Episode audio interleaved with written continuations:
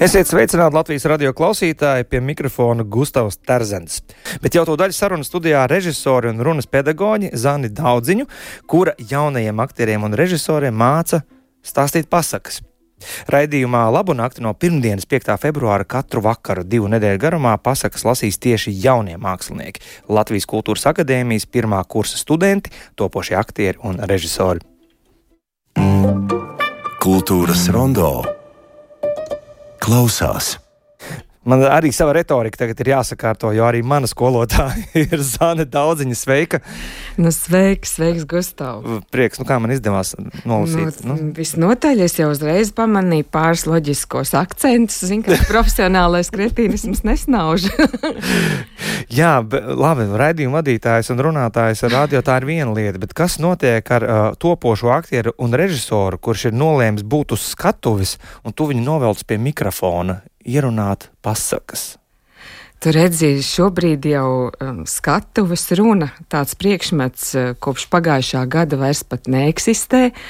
Mēs esam to pārveidojuši par aktiera runu, un tas viss manā promocijas darba rezultātā, jo ilgi pētot to fenomenu, ko mēs varētu uzskatīt par skatuves runu, uh, es nonācu pie secinājuma, ka faktiski jau tā vairs īsti nav skatuves runa, tā ir aktiera runa, jo aktieri teātri izrādes spēlē autobusos, parkos, foajē, spēlē um, kaut kādos melnos kubos, spēlē ar kulisēm, bez kulisēm un visvisādos apstākļos un uh, ļoti Retos gadījumos, nu labi, varbūt es mazliet pārspīlēju, bet tiešām nu, var teikt, ka tikai 50% gadījumu tas notiek uz skatuves. Tāpēc tad, ja aktieris vēlas apgūt tā pilnvērtīgi šo profesiju, tad viņam nākas pierast pie domas, ka mikrofons būs viens no viņa runas rīkiem. Vai tas būs eh, headsets, eh, vai tas būs kaut kur piesprāsts eh, tā, ka to vispār nevar redzēt, vai tas varbūt būs kaut kur iekārts gaisā vai pielīmēts pie grīdas. Nu, varbūt tās jau tagad tādas vecmodīgas metodas, bet jebkurā gadījumā tas ir nu, tāds kā kruķis, kā Varbūt kaut kas līdzīgs zobu platītei vai kaut kam tādam, bez kā aktieris nevar iztikt. Nevis tāpēc, ka viņš to negribētu, bet tāpēc, ka tādi ir jaunie laiki. Neviens aktieris labprātīgi neizvēlas apspraudīt sevi ar kaut kādiem tehnikas brīnumiem, bet uh, tā ir šobrīd mūsu realitāte, kurā mēs dzīvojam. Kultūras akadēmijas pirmais kurs mēs pirms raidījuma skaitījām 18 uh, cilvēki. 18 jaunie topošie un 19 pasakas, bet tas balss materiāls, ko tu saņēmi? Ko tu, kas bija tas, ko tu ieraudzīji un izdzirdēji pirmo reizi, kad viņi ienāca pie tevis? Nu, man ļoti patīk tas, ka tā publika uh, Nu, tā vienkāršot runājot, kas eh, nokļūst pie mums un iztur visas tās daudzās grūtās eh, konkursa kārtas, salasās ārkārtīgi raiba. Tā ir patiešām ļoti um, unikāla tajā savā daudzveidībā. Um, ļoti daudz jauniešu no dažādām Latvijas malām, un līdz ar to arī interesantas eh, izloksnes īpatnības parādās. Un tas ir skaisti, jo par spīti mūsu mazskaitlīgumam, latviešu valoda joprojām ir ļoti bagāta savā dažādībā.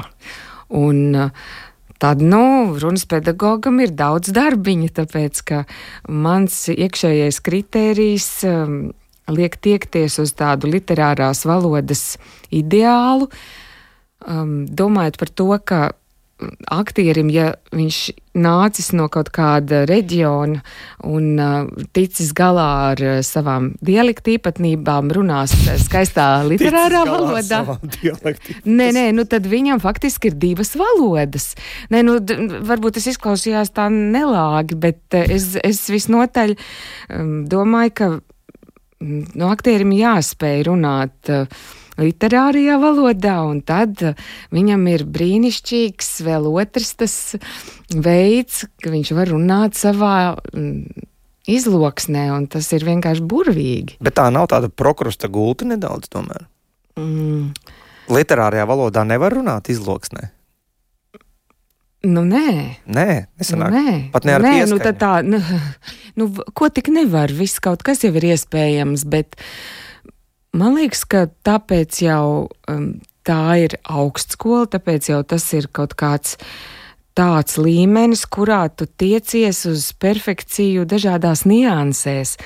Un cilvēks, kurš iemācās sadzirdēt to, kā um, valodā mainās kaut kādas intonācijas un, un kā mēs varam dažādot uh, akcentus un, un, un vēl visu kaut ko, viņš ir jūtīgāks, uzmanīgāks pret valodas fenomenu kā tādu. Un, uh, Un viņš ir daudzpusīgāks savā profesijā, viņš daudz interesantākus raksturus var veidot. Un, tā, tā ir milzīga bagātība. Tas ir līdzīgi tā kā, um, paldies Dievam, Mākslas akadēmija ir viena no tām retajām um, Eiropas augstskolām, kurā joprojām māca skicēt un ēnot pēc klasiskajiem paraugiem. Tā mēs arī tiecamies uz literārās valodas tīrību, uh, ņemot vērā to, ka, protams, tas uh, mātes vai tēva, nu, ģimenes dotais mantojums, kas viņam nāk, tas jau nekur nepazūd, un tas ir tas skaistums, ka tam cilvēkam vienmēr tā viņa runa, kāda tā ir bijusi kādreiz bērnībā, tā nāk līdzi un paliek. Tas ir viņa. Tā ir. Mm, tūdaļ klausīsimies, kā topošais aktieris Bruno Bitenieks, kuru mēs atceramies no filmas Jālgava 94. Jā. Jā, ir ierunājis pasaku kaķis un pēli saka, kāds, kāds Bruno atnāca un ko mēs tūdēļ dzirdēsim. Hmm. Bruno ir ļoti viegls tādā komunikācijā un ļoti uh, tas tā varbūt um, atkal nelāgi skanēs, bet tāds, nu, tāds ērts students. Ar viņu ir viegli, tāpēc, ka viņš ļoti viegli ķer, uzreiz dabū gatavu, un uh, tur nav daudz jāmokās. Tāpēc uh, Bruno ir ierunājis divas pasaciņas, tāpēc, ka viņam viss sanāca ļoti aši. Tagad par viegli. kaķi un peli klausāmies. Jā. Atnākusi ziema Kaķis vairs nekā nevarējis laukā samedīt, un mājās krājumi arī beigušies. Palikuši tikai vairs miežu plāceņi, kuri gan patikuši pelītei, bet kaķim gribējies gaļas un tauku. Domājis, domājis, pēdīgi teica spēlītei, vai zini ko? Iedod man vienu plāceni, Šodien man jāiet kristībās. Pelīti iedeva kaķim plāceni, un tas atkal ar līkumu aizlingoja uz tauku podziņu. Garšīgi sēdies, pārnāka pusnakti mājā.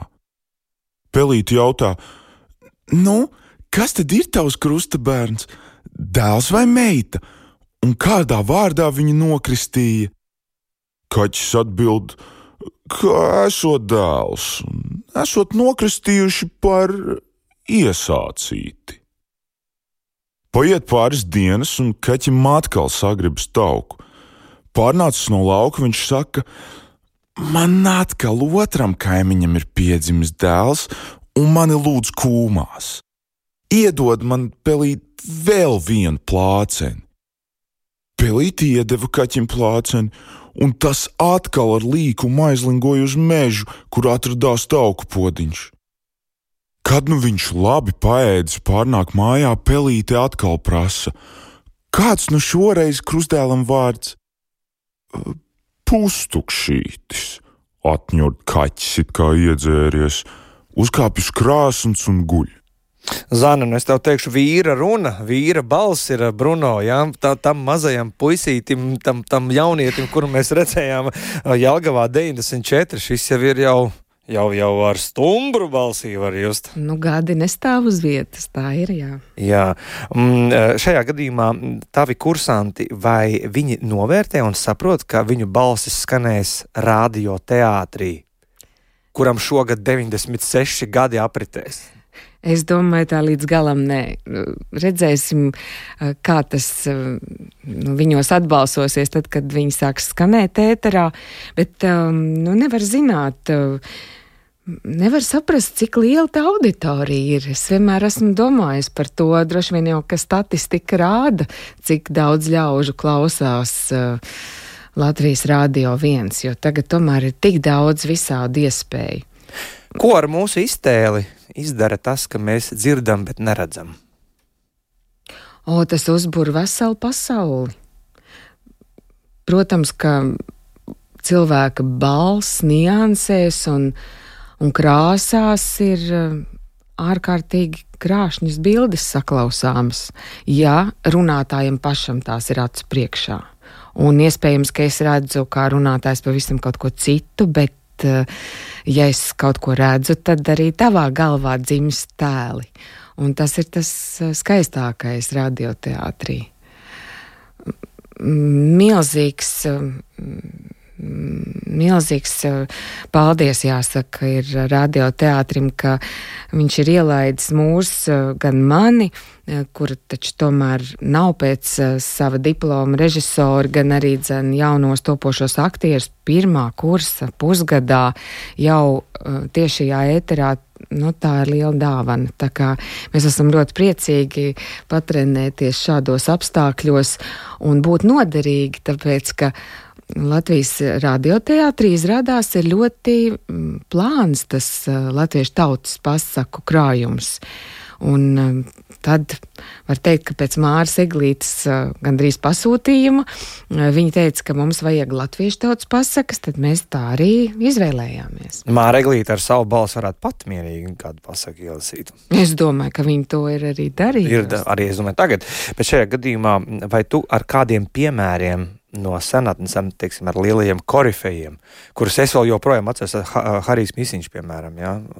Tas ir vienkārši šī balss ieskanās, un visa telpa pielīst ar kaut ko siltu, gaišu un tādu mīļu, vai kas Inga Ievska runāja, vai, vai Veltes Kursteni, piemēram. Nu, tās, ir, nu, tās tiešām ir lielas tās balsis, kuras nevar sajaukt ne ar ko, nekad, nekādos apstākļos. Mums ir šāds materiāls šobrīd, ar ko tu strādā.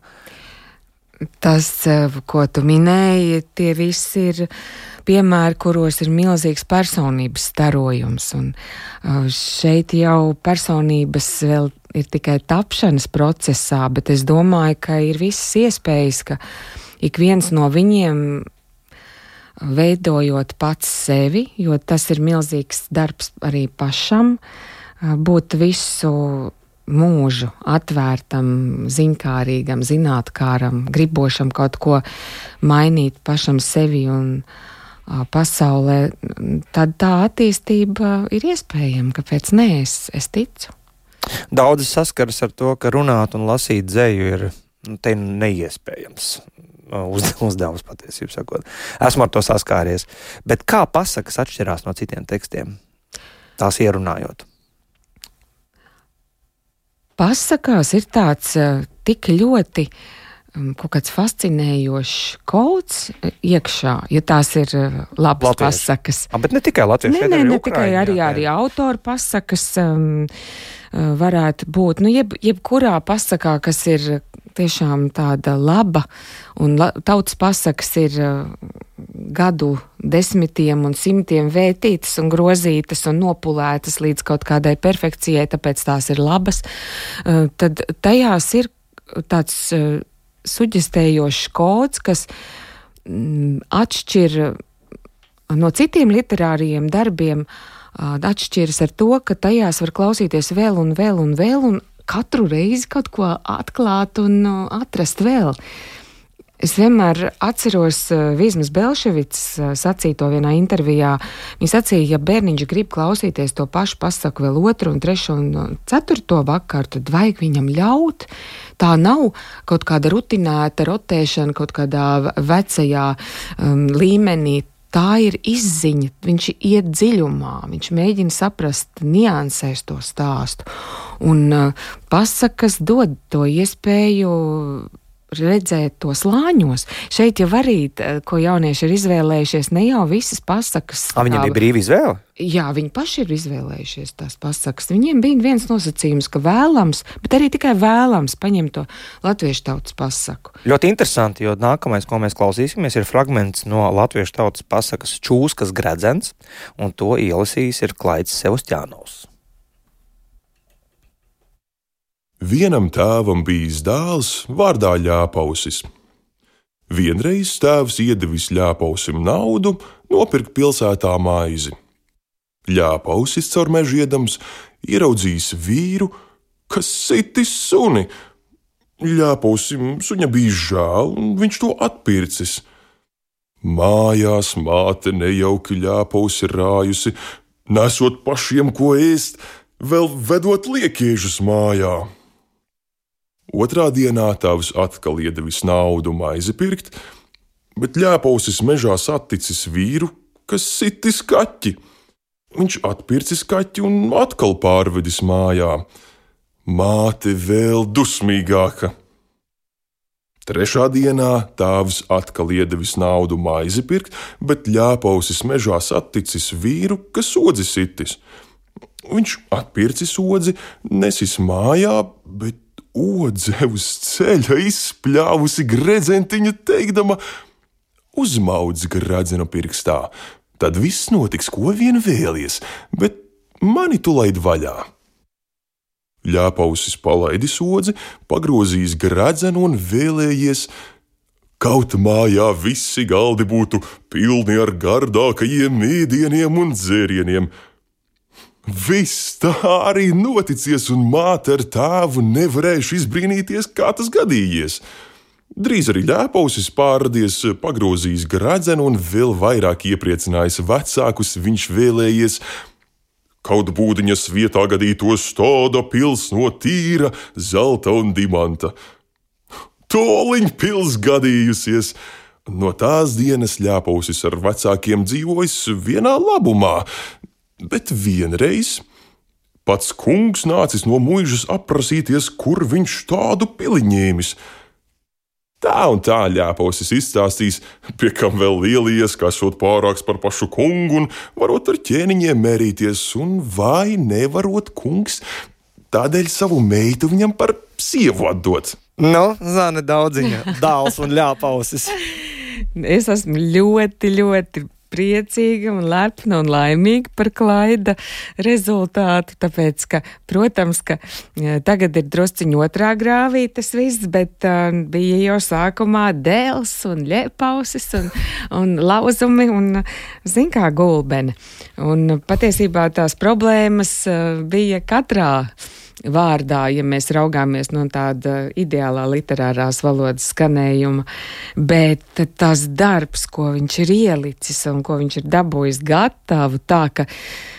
Protams, ka ir nojaušams kaut kāds tāds uh, brīžiem tāds uh, stiepumiņš vai lauzumiņš, bet uh, arī drusciņi pārspīlēts šis ē, bet es esmu ļoti, ļoti gandarīta, ja pusgada, nepilnu pusgada laikā var izdarīt tik daudz, tad es domāju, ļoti drīz to uh, izloksni nedzirdēs arī ikdienas runā. Tā kā mums bija tikai divi ieraksti sagatavot, es varu pateikt, ka pārējie 16 kandidāti ir paglābti no šīs publiskās eksekūcijas.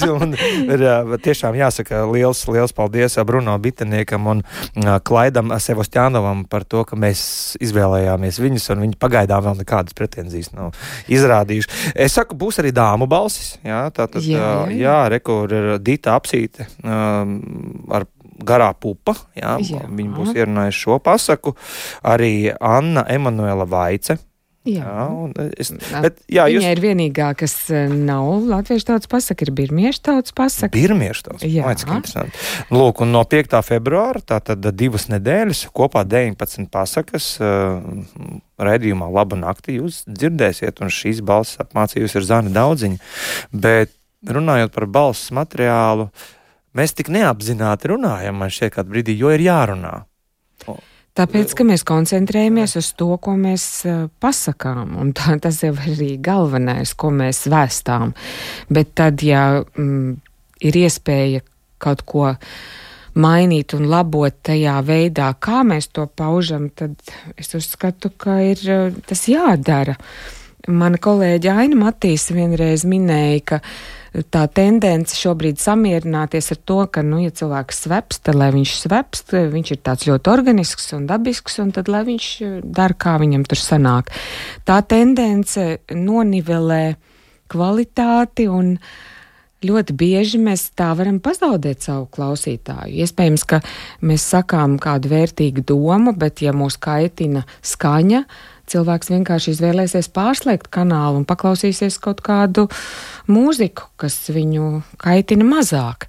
Tāpēc uh, mēs varam pazaudēt uh, savu ruporu, to iespēju izpausties, ja mēs ignorēsim to, ka skaņai un tam, kā izklausās mūsu vēstītais, arī ir milzīga nozīme. Tā ir taisnība, ka runāt ir grūtāk nekā dziedāt, tīri no balss aparāta lietošanas. Nedomāju viss. Es domāju, ka dziedāšana un runāšana katra savā veidā ir vienlīdz komplicētas disciplīnas. Un, protams, ja mēs runājam par tādu um,